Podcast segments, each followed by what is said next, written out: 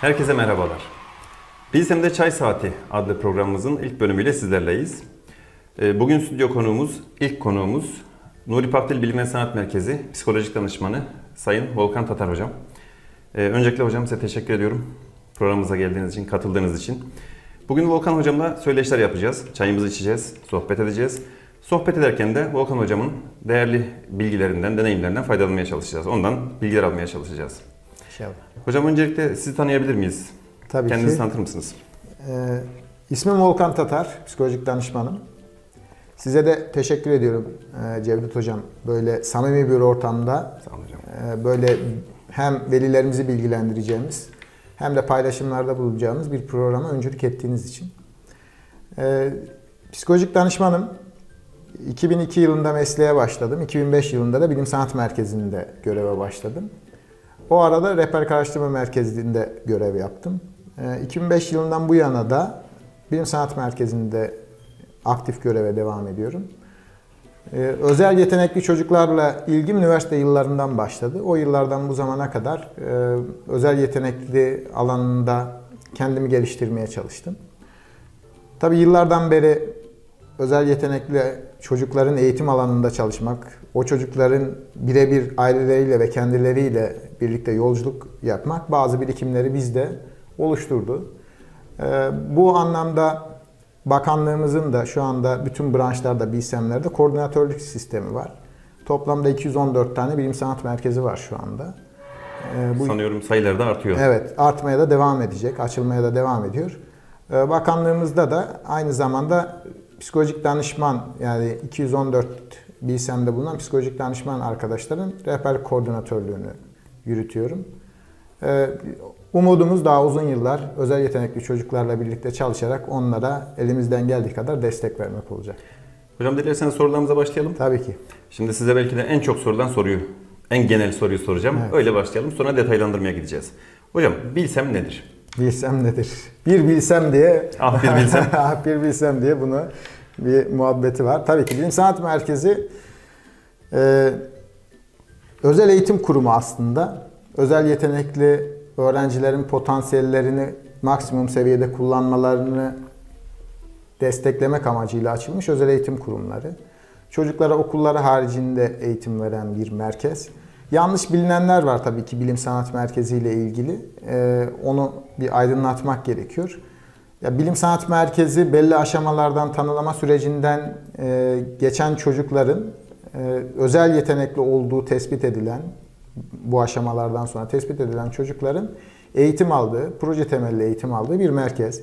Bireysel potansiyellerine yönelik programların yapıldığı ve çocukların performanslarını en üst düzeyde kullanmalarını hedefleyen e, bir daha çok etkinlik ortamında eğitim veren bir özel eğitim kurumu, bir merkez diye de tanımlayabiliriz genel anlamıyla. O halde bir eğitim merkezi diyoruz. Bir okul değil. Bu ayrımı yapalım. Bir eğitim merkezi olarak. Evet, tanım- özel eğitim tanımladık. merkezi veya özel eğitim kurumu olarak Milli Eğitim Bakanlığı'na bağlı. Tabii ki. Milli Burada Eğitim Bakanlığı'na şu bağlı. e, ayrımı yapalım. Eğitim içeriğinden bahsedelim. Yani örgün eğitimde, ilk öğretim ve orta öğretim kademelerindeki örgün eğitim kurumlarında verilen Evet. eğitim ile bilim ve sanat merkezlerinde verilen eğitim arasında bir fark Tabii ki. vardır. Bundan bahsedelim. Tabii ki.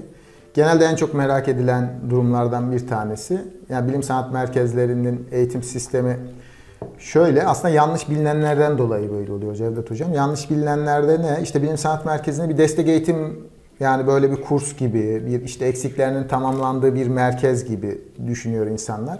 Ama e, aksine bilim sanat merkezi çocuğun belirlediğimiz yani öğrencilerimizin yüksek düzeyde performanslarının daha üst düzey seviyeye ulaşması için etkinliklerin içerisinde bulunduğu ve e, işte atölyelerle desteklenen aynı zamanda da proje temelli eğitim vererek çocukların maksimum seviyede buradan faydalanmalarını sağlayan bir merkez. Temelinde e, tamamen özel yetenekli öğrencilerin var olan özel yeteneklerini maksimum seviyeye çıkarmak var. Ama yanlış anlaşılanlar var tabii ki işte e, eksiğinin tamamlanmasını düşünenler var. E, bilim sanat merkezi okul gibi değil, çocuğu işte akademik olarak desteklemiyor gibi anlayışlar da söz konusu. Evet bilim sanat merkezi bir okul değil. Okul gibi akademik bir müfredatı da yok. Kendine ait evet özel e, etkinlik tabanlı programları var bakanlık tarafından geliştirilen. Ama bunlar çocukların var olan yeteneklerini belki de okulda bulamadıkları yeteneklerini kullanabilecekleri, bulamadıkları ortamları bulacakları bir merkez bilim sanat merkezi. Şu halde bir öğrencinin bilim sanat merkezi öğrencisi olması için hangi aşamalardan geçmesi gerektiğini e, Evet. konuşalım dilerseniz.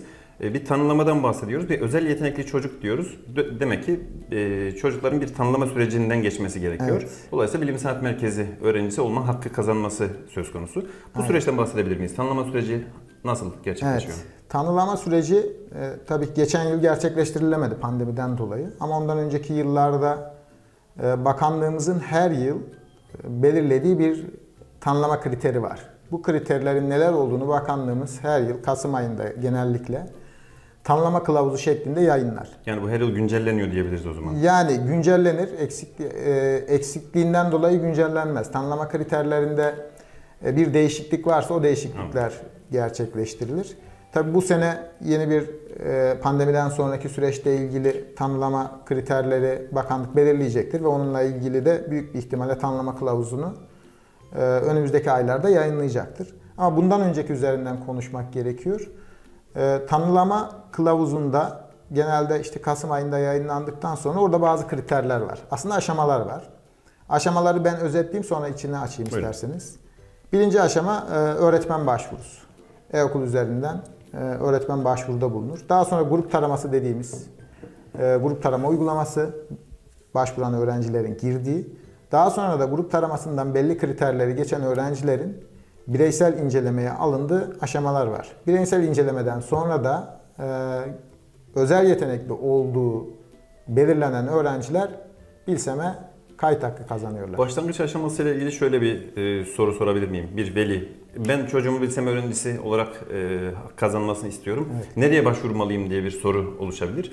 Dolayısıyla burada şunu söyleyebilir miyiz? Sınıf öğretmeninin e, belli kriterlere ve gözlemlere dayanarak e, sisteme girişini yapması, bir Evet. teklif etmesiyle başlıyor diyebilir miyiz? Evet aynen ilk aşama aslında sınıf öğretmenlerinde. Evet. Orada da sınıf öğretmenlerine yol göstermek e, ve o alandaki yani özel yeteneği olduğu düşünülen öğrencilerin e, belirlendiği bir gözlem kriterlerinin olduğu gözlem formu var.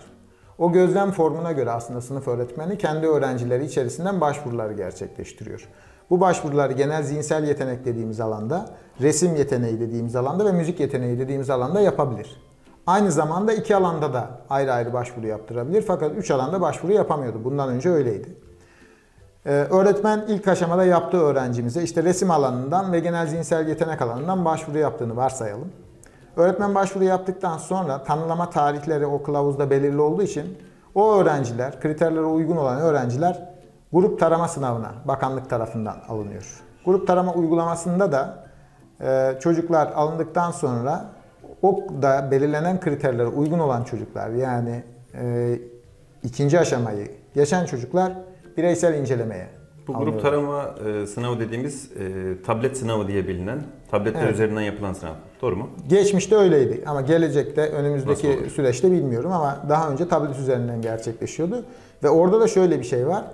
Ee, tanımlama sınavında akademik bir soru yükü söz konusu değil. Orada da bir parantez açmak lazım aslında Cevdet Hocam. Çünkü e, okullardaki yapılan bu deneme sınavları vesaire gibi akademik bilgi ölçen sınavlar değil. Bilgi temelli bir sınav değil. Bilgi temelli değil. Birikim işte çocuğun zihinsel potansiyelini veya işte var olan potansiyellerini e, belirlemek amacıyla uzmanlar tarafından hazırlanmış. e, Yani soru dersek içindeki soruların uzmanlar tarafından hazırlanmış bir yapısı var. Orada e, kriterleri aşan çocuklar ondan sonra Türkiye genelindeki belirlendikten sonra kriterleri aşan çocuklar bireysel incelemeye alınıyor. Bireysel incelemeye alındıktan sonra da bireysel inceleme sonucunda da özel yeteneği olduğu belirlenen çocuklar bilim sanat merkezlerine kayıt hakkı kazanıyorlar. Süreç aslında bu şekilde. Bireysel incelemede nasıl bir süreç söz konusu? Şimdi bireysel incelemede yine bundan öncesini konuşuyoruz tabii ki. Bireysel incelemede çocuğumuz işte genel zihinsel yetenek alanından geldiyse rehberlik araştırma merkezinde e, uzmanlar tarafından bir değerlendirilmeye alınıyor. Genel zihinsel yetenek potansiyellerinin belirlenmesi açısından. E, oradaki uzman arkadaşlar uygulamayı yaptıktan sonra sonuçları bakanlığa gönderiyorlar. Bakanlığımızda bakanlığımızda orada çıkan kriterlerin özel yeteneğe uygunluğuna bakarak kayıt hakkı gönderiyor. Bu genel zihinsel yetenek için geçerli. Ama resim müzik alanı içinse şöyle. E, resim yeteneği alanından grup taramayı geçti ve bireysel yeteneğe hak kazandı. Onun da bir kriteri var. E, öğrenciler resim uygulamasının yapıldığı bir kriter. Birden fazla belli, e, tabii onların da belli kriterleri var. O kriterler doğrultusunda çizimler yaptırılıyor. O çizimler çocukların herhangi bir ismini bilmeden tabii ki bunun altını çizelim. E, bir kurul, özel bir kurul tarafından değerlendiriliyor. Çizimler e, var olan kriterlere göre mi diye. E, ondan sonra alan uzmanları o kurulda tabii ki alan uzmanlarından oluşan bir kurul. Onlar da puanlamasını veya kriterlere uygun sonuçlarını bakanlığa gönderiyorlar. Yine bakanlık o kriterlere hangi öğrenci uygunsa özel yetenekli kriterine resim alanında resim alanına kayıt hakkı kazandığına dair bilseme dönüt veriyor. Müzikte de yine e, özel bir kurul var alan uzmanlarından oluşan. O kurulun belli kriterleri var. O kriterlerle ilgili e, çocuklar uygulamaya alınıyor. Uygulama sonucunda da değerlendirmeler yine bakanlığa gönderiliyor. Zaten bununla ilgili yani bu tanımlamaların nasıl yapıldığıyla ilgili e, Özel Eğitim Rehberlik Genel Müdürlüğü'nün sitesinde de e, açıklayıcı videolar var. Oradan Bilgiler da var. verilerimiz ulaşabilirler yani. Şöyle özetleyelim. Genel yetenek, resim ve müzik Evet. alanları. 3 Üç alanda alanda. öğrenci alabiliyorsunuz. Evet. Hocam peki hangi e, ilkokuldaki ya da örgün eğitimdeki hangi sınıf düzeylerinde bilim ve sanat Evet. merkezine giriş mümkün? Hangi sınıf düzeyinden sonra giriş mümkün değil? Güzel. Bunu da e, aydınlatmamız gerekiyor. Normalde e, yönetmeliğimize baktığınızda e, işte an- e, okul öncesi eğitimden liseye kadar e, olduğunu yazan maddelerle karşılaşırsınız. Eski yönelikte. Özel eğitimin genelinde de vardır bu. Ama Bilim Sanat Merkezi'nin tanılama kriterlerinde bakanlık tarafından belirlenen bir önceki tanımlama kriterlerinde birinci, ikinci ve üçüncü sınıf ilkokul dan başvuru yapılabiliyordu. Eğer öğrenci kazanırsa o yıl, tanımlama sürecini geçerse bir sonraki yıl kayıt hakkı kazandığı için bir sonraki yıl Bilim Sanat Merkezi'nde eğitimine başlayıp lise sona kadar yani mezun olana kadar, mezun lise sonunda gerçekleşiyor, üniversiteye gittiği adımda. Lise sona kadar Bilim Sanat Merkezi'nde eğitim hakkı mevcut oluyor.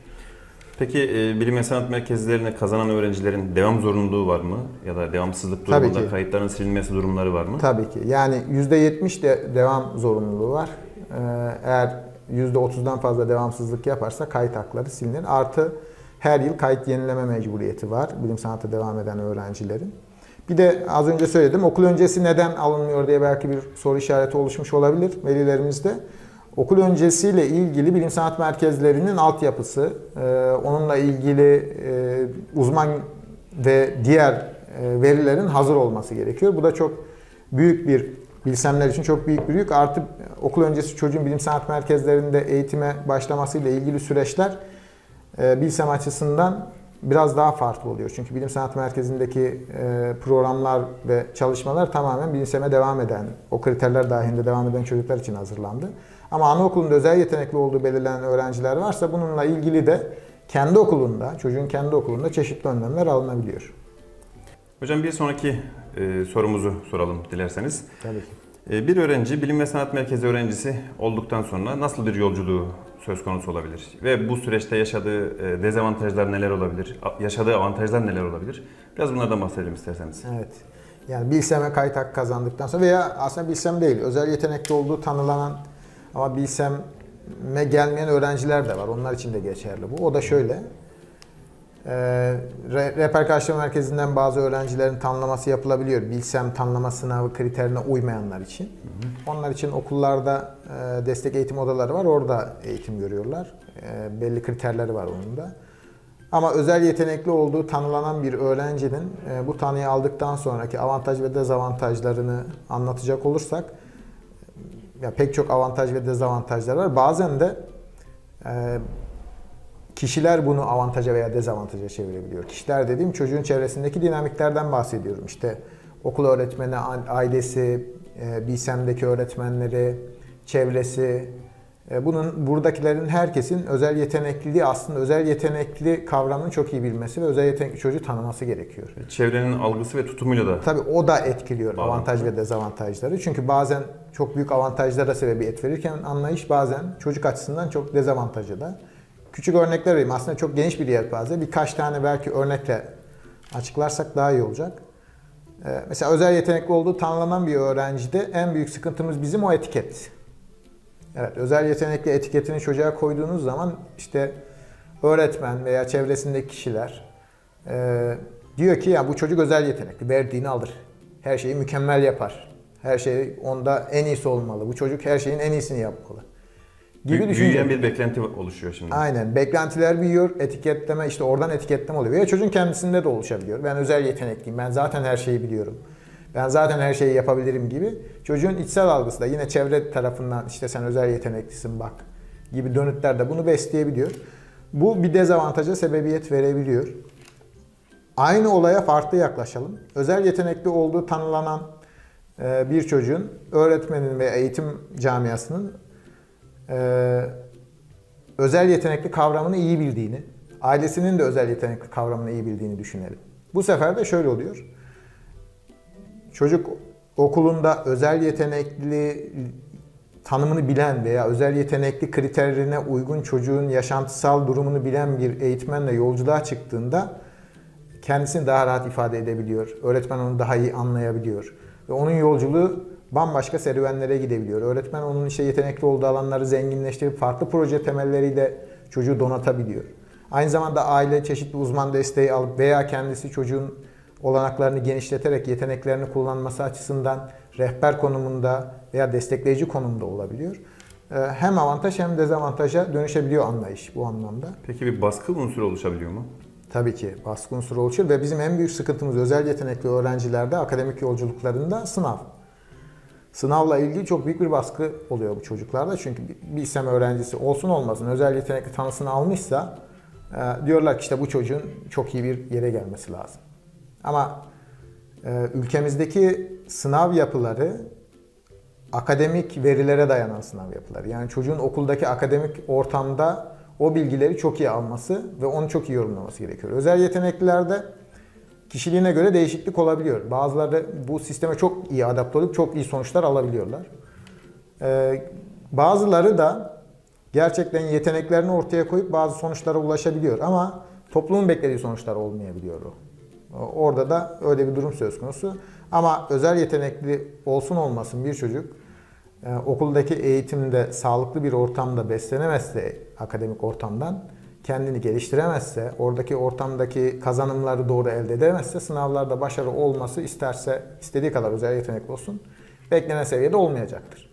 Özel yeteneklilik aslında sınav yolculuğunda yeni sınav sisteminde nitelikli sorular vesaire ortaya çıkmaya başladı. Bunlarda avantaj sağlıyor. Çocuk zihni daha hızlı kullanıyor, daha farklı yapılara gidiyor. E, Çok hızlı düşündükleri için de bir dezavantajları var. E, Çok kolay sorularda veya çok ince ayrıntılarda gözden kaçırabiliyor bütünsel baktığı için. Çünkü yargıları biraz kesin oluyor. Bazen soruya baktığı zaman ha ben bu soruyu biliyorum diyebilir yani özel yetenekli çocuklar. Böyle özellikleri de var.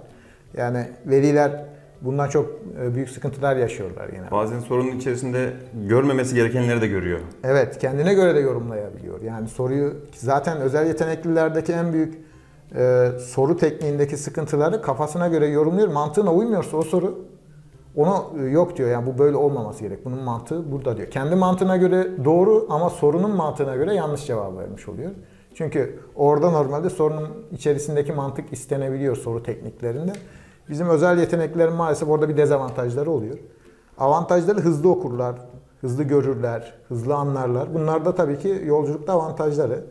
İlk, e, özellikle ilk öğretim çağında eğer etiketlenmezse çocuklar işte e, hareketli, dersi dinlemiyor vesaire diye e, öğretmenin söylediğini çok hızlı anlayabilirler. Çok hızlı yorumlayabilirler. Ondan sonra da kendi öğretmen normal anlatırken kendisi sıkıldığı için yanındaki arkadaşıyla uğraşmaya başlar. Dışarıya bakmaya başlar. Kalemiyle uğraşır vesaire. Bu dönemde çok dikkatli olmak lazım. Çünkü çocuklar bu dönemde dersi dinlemeyen, tabir yerindeyse belki çok kullanılmıyor ama yaramaz çocuk diye etiketlenebiliyor yani. Halbuki o çocuk belki tekrarlardan sıkılıyor olabilir. Aynen. Yani onu bildiğini düşünüyor. Bu daha sonra da tabii zorluklar da olabiliyor. Çünkü ders müfredatı ilerlediğinde, konu derinlemesine geçtiğinde mesela bizim çocukların e, lisede en büyük karşılaştığımız zorluklardan bir tanesi şu. Hesabı zihinden yapıyor. Doğru sonuca ulaşıyor ama öğretmen diyor ki yolu göster. Ama o yolu göstermiyor. O kafadan işlemi yapıyor. Diyor ki sonuç bu hocam işte ben sonucu buldum diyor. Yani ne gerek var diyor. Çünkü zihnin çalışma yapısı en pratik yoldan sonuca ulaştırmak üzerine. Çocuk da bu yapıda e, olduğu için haliyle direkt zihinden hesaplar yapabiliyor. Yani de, avantaj dezavantajlar aslında çok geniş. Arkadaş ilişkilerinde de yine avantaj dezavantaj olabiliyor. İşte bir popülerliği olması yanında bazen bu popülerlik diğer arkadaşları tarafından istenmeyen bir durum söz konusuna dönüşebiliyor. Veya işte zihni farklı çalıştığı için bir oyundaki olayı farklı görüyor. Diyor ki bu oyunu böyle oynamamanız lazım ama diğer çocuklar için o çok normal bir oyun olabiliyor. Yani sen ne diyorsun diyor diğer çocuklar. Yani ne, ne diyorsun ne gerek var? Çünkü o çocuklar orada eğlenceye bakıyor ama e, bizim özel yetenekli mantık yürütebiliyor onda. Yani farklı olaylara bakabiliyor. Onun için özel yeteneklilerin e, o zorluğu var. Bir zorluğumuz da sosyalleşme. Çünkü bir söz var. Ne kadar bilirseniz bilin karşıdakinin bildiğinden öteye gidemezsiniz diye. E, bizim özel yetenekli uzmanlar olarak en çok önemsediğimiz şey, ben, ben şahsım adına konuşayım yine bunu. En çok önemsediğim konu özel yetenekli öğrencilerin veya bireylerin sosyalleşmesi. Ve bilgilerini aktarabilecekleri, kullanabilecekleri, geliştirebilecekleri ortamlar bulması. Yoksa sosyalleşemeyen bir özel yetenekli o bilgiyi sadece kendine saklarsa hem bilginin e, kullanımı açısından hem de çocuğun kendini ifade etme açısından, bireyin kendini ifade etmesi açısından dezavantaja dönüşebiliyordu. Çok da verimli bir süreç olmaktan çıkıyor o zaman. Tabii. Yani şunu net söylüyorum. Bütün e, seminerlerimde de, veli görüşmelerimde de şey bunu özellikle altını çiziyorum. Özel yetenekli bir bireye sahip olmak, bir çocuğa sahip olmak, bir öğrenciye sahip olmak e, isim olarak güzel olabilir ama zor ve meşakkatli bir süreçtir. Ama bazen öyle keyifler verir ki size onunla o yolculuğa çıkmak, onun da tadına hiçbir yerde varamazsınız. Böyle de özellikleri vardır. Özel yeteneklileri biz sağlıklı yetiştirdiğimizde burada bir pozitif ayrımcılık var zaten. Biz bunu önemsiyoruz. Neden? Çünkü doğru yetiştirdiğimizde yüzlerce belki binlerce kişiyi etkileyecek ürünleri belki bu çocuklar ileride ortaya koyacaklar. Bilsemlerin temel amacı da bu zaten. Yani bilim sanat insanlarının bir an önce yeteneklerini ortaya koyabilecekleri ortamlar sunmak da yine Bilsem'in felsefesi içerisinde var. Küçük yaşlarda laboratuvar ortamlarını görmeleri, e, işte öğretmenlerle danışmanlık tarzında çalışmaları, rehber konumunda çalışmaları bunlar da çocuklar için büyük avantaj oluyor özel yetenekli çocuklar için. Yani üniversitede gördükleri ortamları bilsemlerde de görebiliyorlar. Yani. Belki e, ilk ve orta öğretimdeki eğitim açısından söyleyelim. Bir rutinin dışına çıkıp Tabii yeni ki. bir şeyleri kurgulayan Tabii. e, bir kurum içerisinde yer almaları onların belki düşünme e, şeylerini arttırıyor. Bakış açılarını genişletiyor. Aynen. Farklı deneyimler, farklı tecrübeler yaşıyorlar. Peki hocam son olarak e, ailelere ne önerirsiniz? Evet, en önemlisi bu. Ee, yani aileler özel yetenekli tanısı almak için çok uğraşıyorlar bazen. Bununla ilgili size de geliyordur, bizlere de geliyor, çeşitli uzmanlara da geliyor. Aynı zamanda zaten internet ortamında da bilseme hazırlık kitapları, çocuğumu bilim sanat merkezine nasıl hazırlarım, çocuğum bilim sanat merkezine nasıl kazanır gibi sorularla muhatap olduğumuz durumlar oluyor. Ee, bu bir velinin istediği bir özellik bilsemli olmak veya çocuğun özel yetenekli olmasını istemek. Ama ben her zaman şunu söylüyorum. Ee, en sağlıklısı normal olan. Burada net bir durum var. Yani bir çocuğun okul ortamı, uyumu vesaire davranış durumlarında normaldir. Özel yetenekliler normal dışı çocuklardır aslında. Normalin üstünde olan çocuklardır. Ve davranışları, anlayış biçimleri, anlamlandırma biçimleri de normalden farklı olduğu için özel ihtiyaçlara e, yönelik destek vermek gerekir bunlara. Çünkü özel ihtiyaçları ortaya çıkar. Nedir bu özel ihtiyaçlar? İşte çocuğun yeteneğinin doğru fark edilmesi, aile tarafından bunun doğru e, yorumlanabilmesi, doğru desteklenebilmesi, öğretmen tarafından doğru desteklenebilmesi, potansiyellerinin çok iyi anlaşılması. Yani küçük örnekler verecek olursam şöyle, e, öyle çocuklar vardır ki yaptığı espriyi birkaç defa düşündükten sonra anlayabiliyorsunuz. Esprideki inceliği, kelime oyununu vesaire. Ee, öyle çocuklar yani bunlar. Ee, bazen yetenekli oldukları alanda beslendikleri zaman liderlik organize yeteneklerini sınıf içinde kullandıklarında sınıfı öğretmenin elinden alabilen çocuklar da var. Yani organize edebilen, bir bakışıyla, bir hareketiyle edebilen çocuklar da var. Yani davranışlarının değişiminde normal çocuğa verdiğiniz önerilerle çocuğun davranışı değişirken özel yetenekli sorguluyor verdiğiniz durumu. Sonra sizi deniyor. Bakıyor nereye kadar gideceksiniz, ne yapacaksınız? Şimdi veliler bazen öneri alıyor. İşte diyor ki hocam böyle davranışı var nasıl düzelteceğiz? İşte şöyle şöyle yapacaksınız. Çocuk deniyor acaba kaç defa yapıyor. Hatta açık açık söylüyor bunu benim şu davranışımı değiştirmen için yapıyorsun diyor.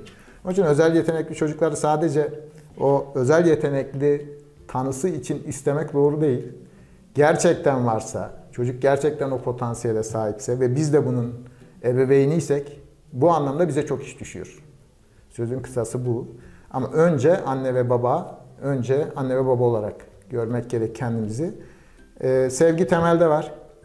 Hiçbir çocuğumuzu diğerinden ayırt edemeyiz. Bazı ailelerde işte özel yetenekli olan çocuklar ve normal seviyede giden çocuklar var. Hatta e, bir profesör velim şöyle söylemişti bir görüşmemizde. Hocam bundan bir tane olacağına özel yetenekliyi gösterip bundan 100 tane olsa iyiydi diye normal çocuğunu normal seviyede. Çünkü ikisi de bilsem tamlamasından geçmişti sonuçları vardı.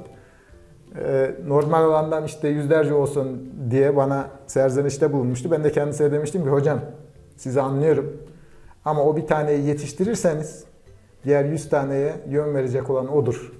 Dediğimde de çok haklısınız demişti. Yani özel yetenekli çocuğun yetiştirilmesi açısından ailelerimize en önemli önerim sevgi bağını kaybetmeden çocukların sosyalleşmesine destek vermek.